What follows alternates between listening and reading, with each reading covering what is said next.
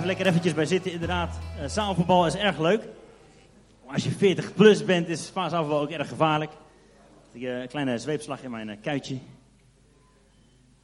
Het gaat goed komen. Het gaat over. Ik heb het al eens eerder gehad. Maar, this too shall pass. Als je je Bijbel bij hebt, wil je dan met mij opzoeken twee kronieken. Twee kronieken. Oude Testament, net na één kronieken. Dan moet je het kunnen vinden. Hoofdstuk 23. Vandaag wil het hebben over muziek en aanbidding. En dit verhaal past er heel mooi bij. 2 Kronieken hoofdstuk 23. Toen David oud en verzadigd van dagen was, maakte hij zijn zoon Salomo koning over Israël. En hij verzamelde alle leiders van Israël, de priesters en levieten. En toen werden de levieten geteld, van 30 jaar oud en naar boven. En een aantal bedroeg hoofd voor hoofd 38.000 man.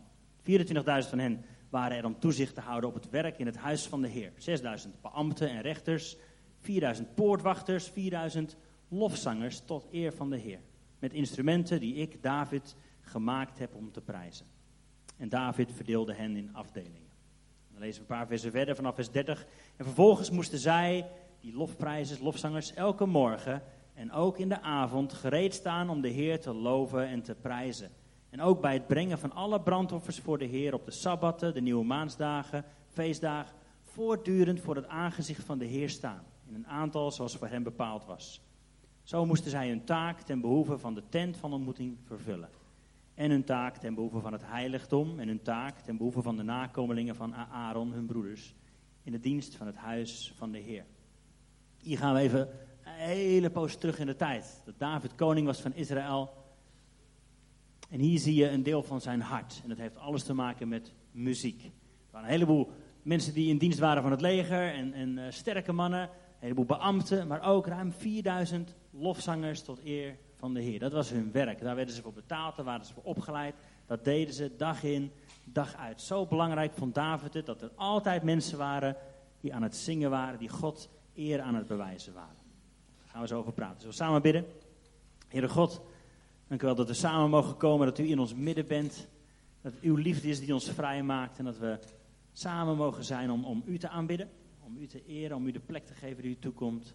Maar ook om samen in uw woord te lezen, om na te denken over wat het betekent om een leven te leiden van aanbidding. Om te worden zoals u ons bedoeld heeft. En ik wil bidden dat u ons zegen deze dag.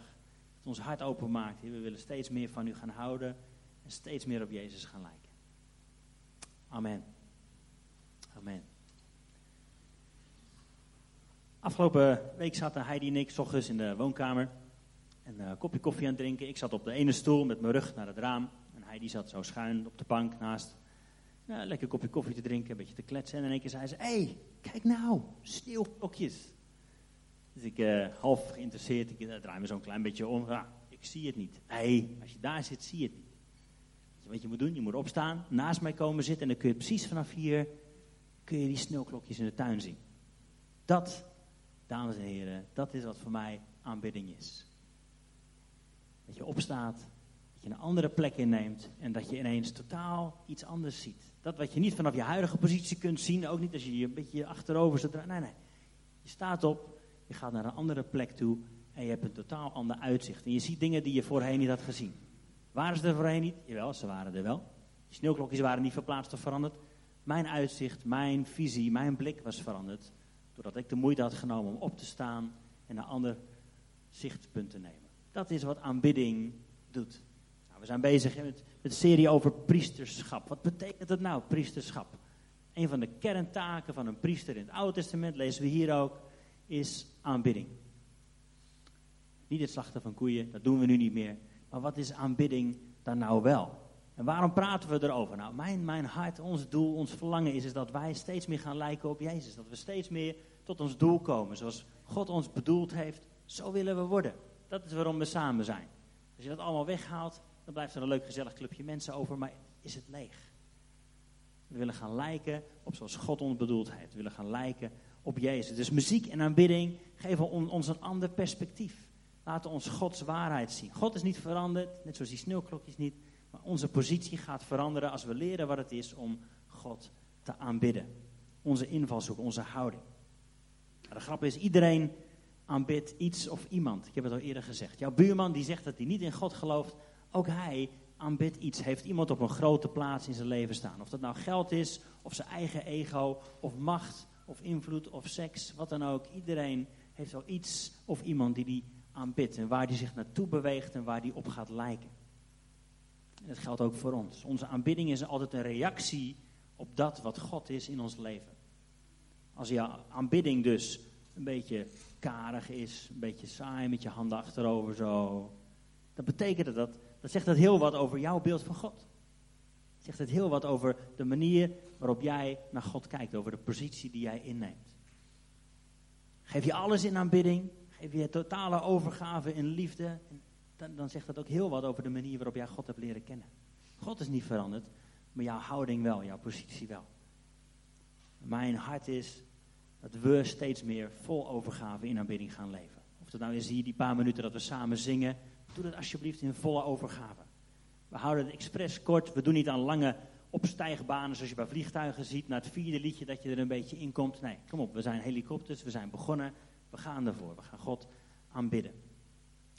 Nou, als je terugkijkt, een beetje kerkhistorie, een beetje geschiedenis, hoe komt het dan? Muziek en aanbidding, hoe is dat een beetje gegaan? Als je terugkijkt naar de eerste christenen, dan gaan deze verhalen er rond.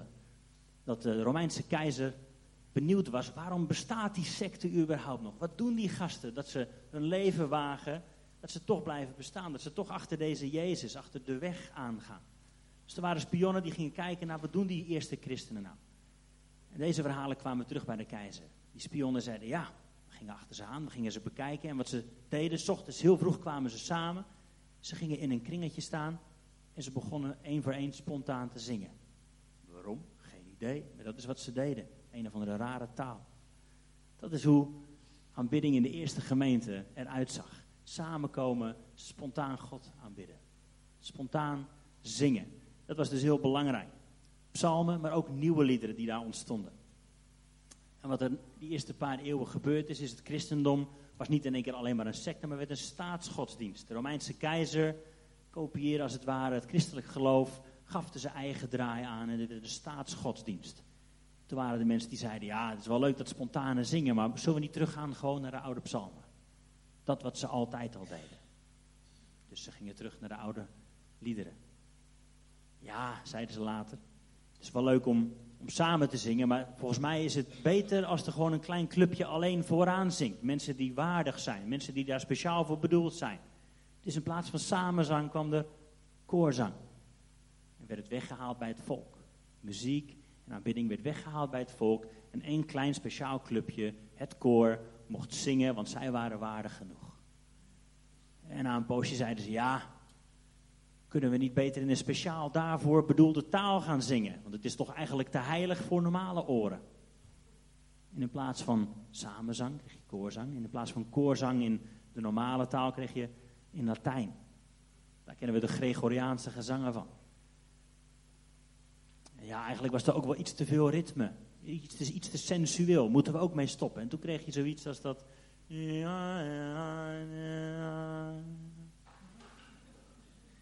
Mensen konden niet meer met hun hart zingen. Er werd een streep getrokken tussen hoofd en de rest van het lijf, de rest van je leven. Dus in plaats van samenzang, samen God aanbidden, was er één speciaal clubje die in een speciale taal iets heel speciaals in het doen was, wat zo heilig moet zijn dat niemand het kon snappen. Triest. En dat is hoe we eeuwen gedacht hebben over God aanbidden. Zo, weg, zo ver weg van ons, we kunnen niet die relatie met hem hebben. We kunnen niet meer in onze eigen taal zien. En wat er toen gebeurde, heel triest, is dat muziek werd afgesneden van de christenen. En de eerste mensen die vol passie gingen zingen over liefde, waren Spaanse, Spaanse moslims. Die begrepen het. Die begrepen hoe belangrijk muziek was. En uit de kerk werd het genomen en het kwam in de wereld terecht. En dat is voor eeuwen zo geweest de wereld de kracht van muziek heeft ervaren, de kracht van muziek heeft gesnapt en toegepast en uitgeleefd. De verkeerde kant op, kun je wel zeggen. En heel langzaam werd de kerk daar gefrustreerd over. En dan zie je de, de reformatie komen. Maarten Luther is misschien wel bekend, die opstond tegen de gevestigde orde van de kerk, die het volk onderdrukte als het ware. Het volk had afgesneden van die relatie met God. En een van de voorbeelden die daaruit komt is, is Bach. Die het zat was dat de beste muziek te horen was in de opera's en niet in de kerk. Zijn Johannes Passion bijvoorbeeld, er staat een hele bekende van. Dat de beste muziek moest weer terug naar de kerk. God was de meest creatieve die er was. God komt alle lof en eer toe. God komt het mooiste toe wat er is. En het moet niet in de opera zijn, het moet niet in de wereld zijn. Dat moet in de kerk zijn. Langzaam zie je dat de kerk dat weer begon terug te pakken. Daar is muziek weer teruggekomen in de kerk. En het is nog steeds aan het bewegen. We hebben kort gekeken naar de eerste christenen. Maar hoe de kerk eruit zag voor die tijd was, had alles te maken met David. We hebben het net gelezen hoe belangrijk David muziek vond. David was zelf muzikant. David was zelf poëet. Als je de psalmen doorleest, dan zie je dat hij een ongelooflijk gevoelige kerel is. Hij is of ongelooflijk high of ongelooflijk down en heel soms maar iets ertussenin. Maar hij, hij aanbad God met heel zijn hart. Het was niet alleen maar met zijn hoofd en met zijn verstand, maar muziek opende daarin een deur, dat hij God kon aanbidden met heel zijn hart. Maar voor David was de kerk Mozes.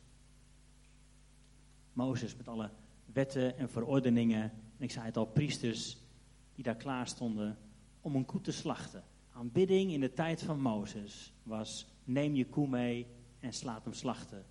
Dat is de manier om God te aanbidden. Dat is de manier om God te aanbidden. Je, kunt niet, je kon niet in die tijd van Mozes komen bij de priester en zeggen: Ah, ik ben hier gekomen om God te aanbidden.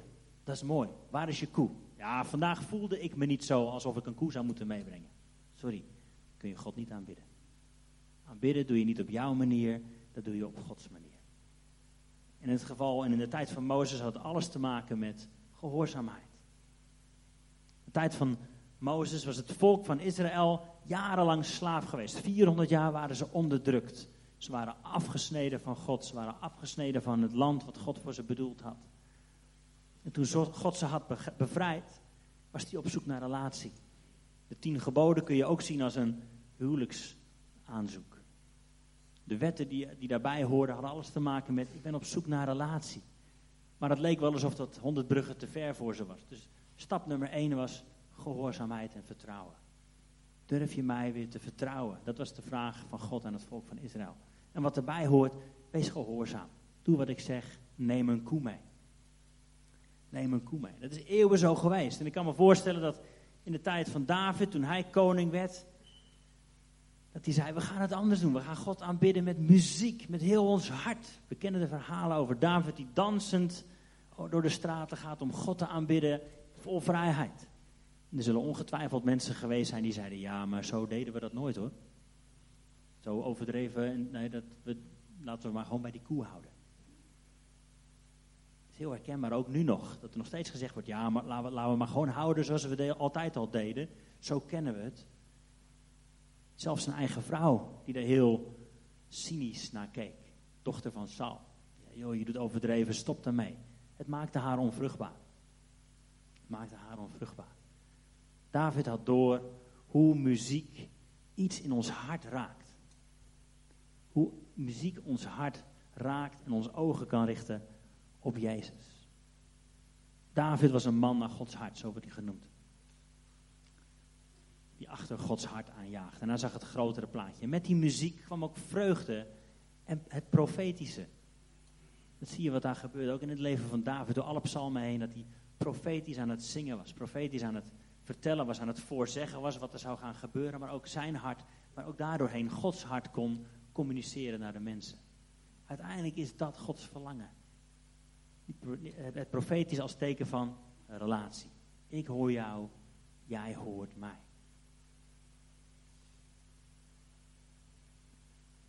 Ik hoor jou en jij hoort mij. Er is een relatie. En we gaan zien hoe schoon, hoe mooi, hoe groot, hoe liefdevol, hoe rijk en genadig God is. Dat gebeurt als we ons hart erbij gaan betrekken.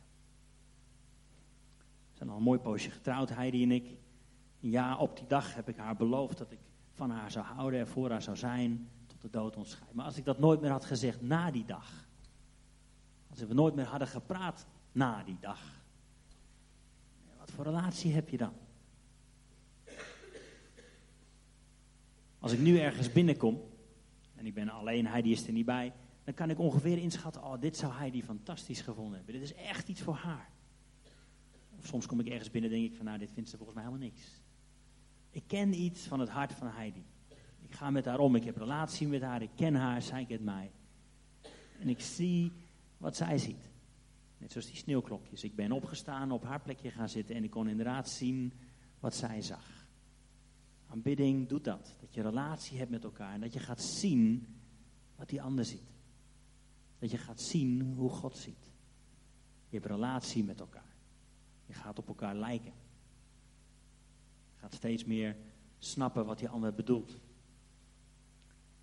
En dat gaat zich ontwikkelen. Dat zie je in het, in het volk van Israël, maar dat zie je ook in de afgelopen eeuwen gelukkig in de kerk. Het is zich weer aan het ontwikkelen. Maar dat geldt ook voor jou en voor mij. Ik hoop niet dat jij nog op precies dezelfde manier in de rij zit als vijf jaar geleden of tien jaar geleden of gisteren.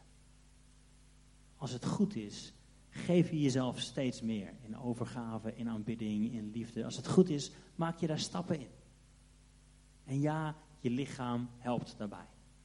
Ik heb ooit een cursus gedaan, een mannencursus in een gymzaaltje. Lekker met 15 man zitten zweten en rollen en doen. Het hele uitgangspunt van die cursus, heel mooi is, je lichaam liegt niet. Dus een van de, een van de oefeningen die we deden, had te maken met, met afstand en nabijheid. En je moest tegenover elkaar gaan staan in die gymzaal, 10 meter van elkaar. En iemand liep steeds dichter naar je toe. Totdat jij, of totdat ik voelde, zo is het ver genoeg. Dit is mijn, mijn ruimte. Je moet hier niet inkomen. En het bijzonder om te zien hoe je lichaam inderdaad ook heel wat zegt over je, je persoonlijkheid. Er waren mannen bij, bij die, die lieten gewoon tot vlak voor hun neus iemand komen. Die hadden daarin geen grenzen, geen eigenheid. Die moesten altijd alles maar toelaten.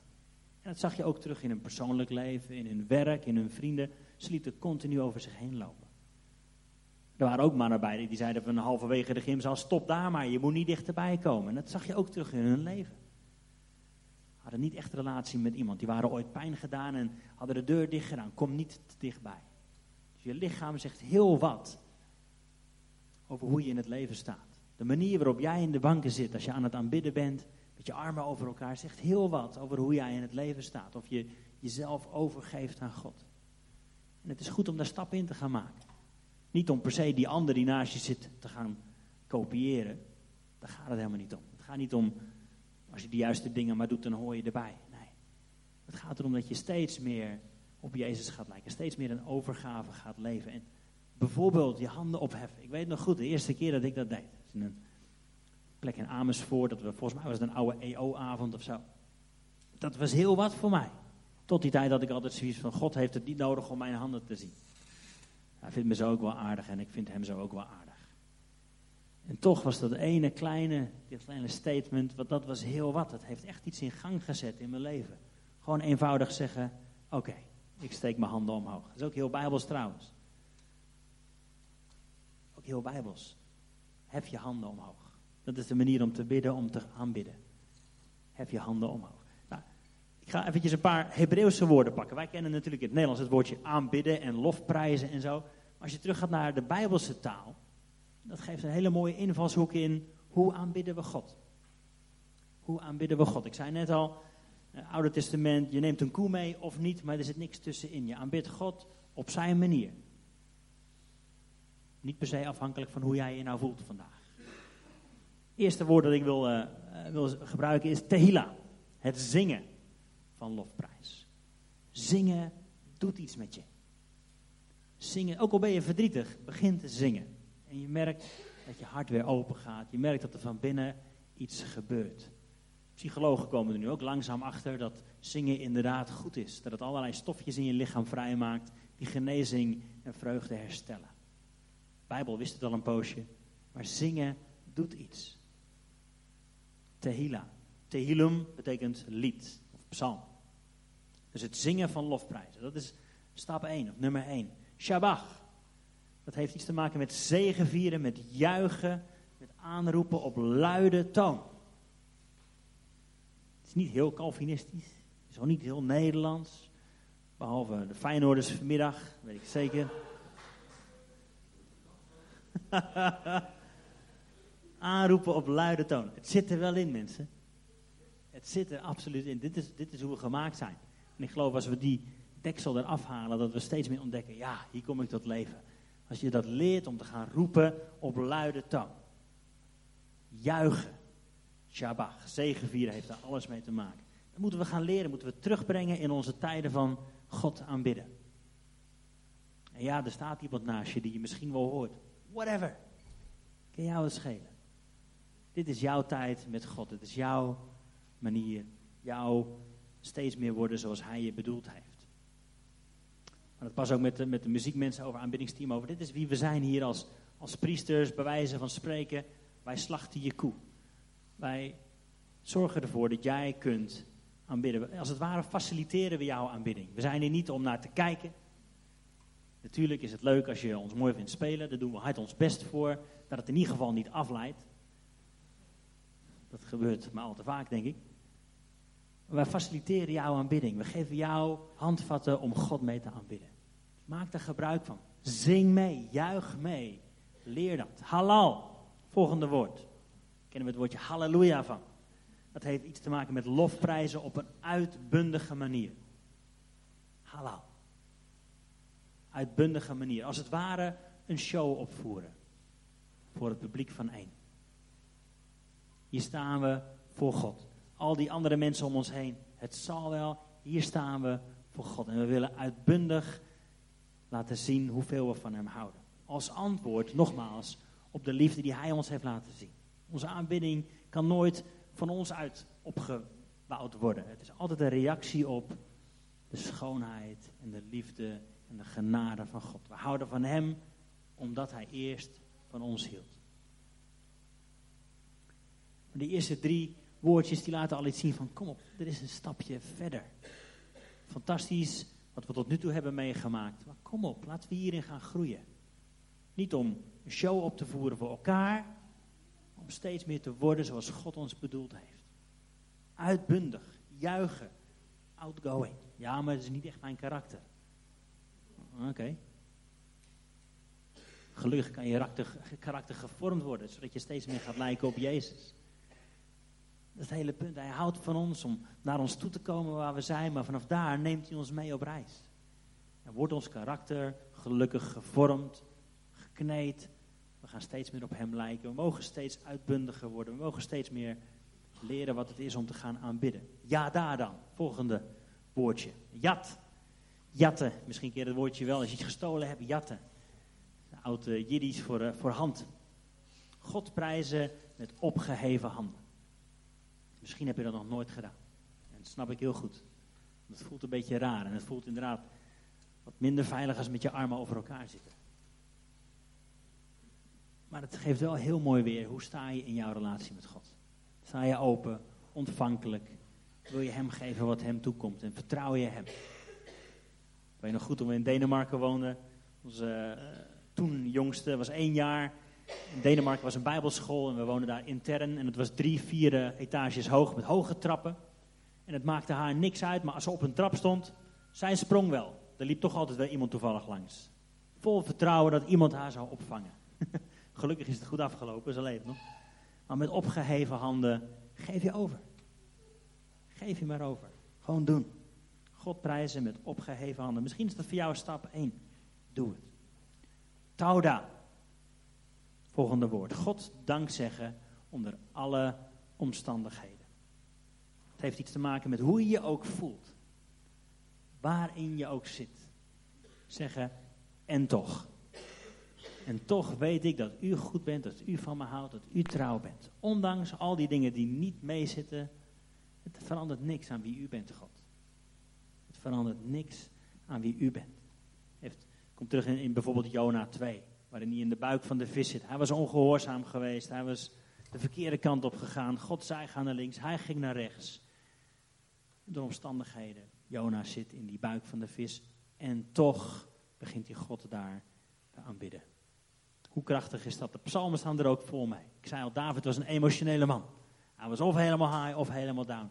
Maar hij eindigt altijd met en toch. Hoe krachtig is dat? En toch, God dank zeggen onder alle omstandigheden. Volgende woordje dan, barak. Dat betekent knielen. Neerknielen. Het heeft echt iets te maken met, in zekere zin, je plek kennen, je meerdere erkennen. Neerknielen, je leven neerleggen, zeggen, niet mijn wil, maar uw wil geschieden. God, God prijzen, Hem zegenen. God zegenen door als het ware zelf dat offer te zijn en te zeggen, hier ben ik. Ik ben van u. Hou van u. Als laatste woordje zamar. Dat heeft te maken met muziek maken als lofprijs voor God. Muziek maken. David was zelf natuurlijk muzikant. Naast dat hij herdersjongen was, in het veld zat hij muziek te maken op zijn harp. Later mocht hij voor de koning spelen. Hij was, had zich daarin bekwaamd. Ook heel belangrijk. We hebben het daar ook wel eens over met het muziekteam. Het is belangrijk dat je jezelf bekwaamt. Te vaak hebben we te lang in de kerk gezegd: als je het maar voor God doet, dan maakt het niet uit of het nou goed is of niet. Nonsens. Wees, maak jezelf bekwaam erin. Oefen, besteed de tijd aan, besteed de energie aan. Geef het allerbeste wat je hebt aan God. Geef het allerbeste wat je hebt aan God. Niet als een moeten, maar laat dat je verlangen zijn. Het beste wat je hebt. De eerstelingen wil je aan God geven. Niet het restje wat je nog ergens over hebt. Het eerste wat je hebt, het beste wat je hebt. Dat is God waard. Alles wat je hebt is toch al van Hem. Zomaar wat woorden, Hebreeuwse woorden, die iets, iets zeggen over lofprijs, over aanbidding. En over de stappen die wij erin mogen maken. Jij in je eigen persoonlijk leven, wij als Connect Kerk, wij als Kerk van Ede, van Nederland, mogen we, schuine, schuine woorden, moeten we stappen maken. Laten we groeien, laten we niet blijven waar we nu zijn. Ja, natuurlijk is het fantastisch om meer te gaan snappen van wie God is. Heb je theologie op orde? Lees je boeken, lees je Bijbels, bestudeer het. Maar laat het ook vanuit je hart komen. Te lang hebben we hier ergens een streep getrokken tussen hoofd en hart. En muziek kan dat doorbreken. Muziek en aanbidding is ongelooflijk krachtig. Ik heb nog een paar voorbeelden die ik wil gebruiken. Uit het Oude Testament en uit het Nieuwe Testament. Over hoe krachtig muziek alleen al is. 2 Kronieken 20. Misschien een bekend verhaal voor je over koning Jozefat. Die hoort dat ze worden aangevallen door de vijand. Koning van Juda. Ze worden aangevallen door de vijand. En hij, hij, hij weet, het beste wat ik kan doen is kijken naar boven. Heere God, wat is uw plan? Wat gaan we doen? Wat moeten we doen? En uiteindelijk is dit hun, uh, hun oplossing. Samen met God hebben ze gezocht. En wat ze doen is, voordat het leger op pad gaat, gaan de muzikanten op pad. Voordat ze gaan vechten, eerste muzikanten, die gaan voorop. Die gaan liederen spelen tot eer van God. Muzikanten gaan voorop in het leger. En wat je ziet gebeuren in dit verhaal, 2 Kronieken 20, is dat de vijand onderling gaat vechten. Ze maken elkaar af. En, en het volk van Juda komt eraan. Ze kunnen alleen maar buit meenemen. Ze hoeven niemand meer aan te vallen. Muziek gaat voorop in de strijd. Laat je aanbidding voorop gaan in de strijd. Voordat je zelf allerlei moeilijke dingen gaat doen, ga eerst God aanbidden. Eerst God aanbidden. Begin te zingen, begin te prijzen. Wat het ook doet, is het verandert jouw perspectief. Nogmaals, je kunt in één keer die krokus, die, die, die, dingen, die bloemetjes buiten zien. Jij staat op, je neemt een andere plek in en je gaat zien wat God ziet. Muziek ging voorop in de strijd. Ander voorbeeldje uit Twee Koningen, waar de profeet Elisa gevraagd wordt: We hebben je nodig, wil je alsjeblieft het woord van God aan ons vertellen? We weten niet wat, wat de situatie is, we weten niet wat er gaat gebeuren. We hebben God nodig. Elisa, profeet, help ons. En, pro, en profeet Elisa zegt: Dat is goed. Breng een harpspeler en dan kan ik profeteren. Breng iemand die muziek maakt. En dan zal ik Gods woord gaan vertellen. Dat is wat er vaak gebeurt. Een paar hele eenvoudige klanken, net als wat Jona hier heel speelt. Laat het woord van God komen. Er wordt een atmosfeer gemaakt waarin ons hart open gaat. Is wat muziek ook doet. Heel praktisch, heel eenvoudig. Het maakt een atmosfeer waarin we bij ons gevoel, met ons gevoel kunnen zeggen: Oh ja, God. Ik kan even achter me laten al die dingen die me zorgen maken. En ik kan bij u komen. Waar muziek wordt gemaakt, kan ons hart verbonden worden met God en zal het woord van God gaan vloeien. En als laatste voorbeeldje het Nieuwe Testament, Handelingen 16, waar Paulus en Silas gevangen zitten. Zijn opgepakt omdat ze het woord van Jezus hebben verspreid. Ze worden gevangen gezet in een kerker. En in plaats van te zeggen, ah, het is allemaal voorbij, het is allemaal over. Heere God, waarom, waarom, waarom? We hebben het toch goed gedaan, dit moest toch? In plaats van dat zijn ze gaan zingen. Hebben ze hun stem verheft. Ze zeiden, Heere God, we houden van u. Ze begonnen te zingen, te lofprijzen. En wat er gebeurt, is er kwam een aardbeving. Boeien vielen af en de deuren gingen open. De kracht van muziek. De kracht van muziek. En ik hoop dat deze voorbeelden, maar dat deze woorden, dat deze gedachten je helpen om hongerig te worden naar, ja, maar dat wil ik ook. Ik wil steeds meer gaan leren wat het is om een leven van aanbidding te leiden. Hier is als we samen zitten als Connectkerk. Misschien is het voor jou stap 1 om te zeggen, oké, ik ga staan. Of ik ga mijn handen omhoog heffen. Steeds meer leven in overgave. Steeds meer in antwoord op hoe goed God is. Hij is voor ons. Hij is met ons. Alles wat we nodig hebben is te vinden in Hem.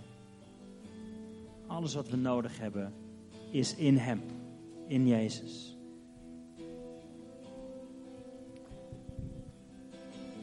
Volgens mij is dat ook wat de wereld nodig heeft. Een kerk die vol is van passie. Niet alleen maar dingen beter weten, maar passie en overgave aan God. Dat is wat mensen hongerig gemaakt. We zijn het zout van de wereld. Laten we mensen weer dorstig maken naar wie God echt is. Zullen we gaan staan?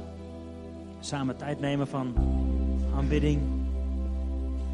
Samen in overgave, samen in passie, samen groeien in het ons uiten, in het ons antwoorden op zijn liefde, zijn goedheid.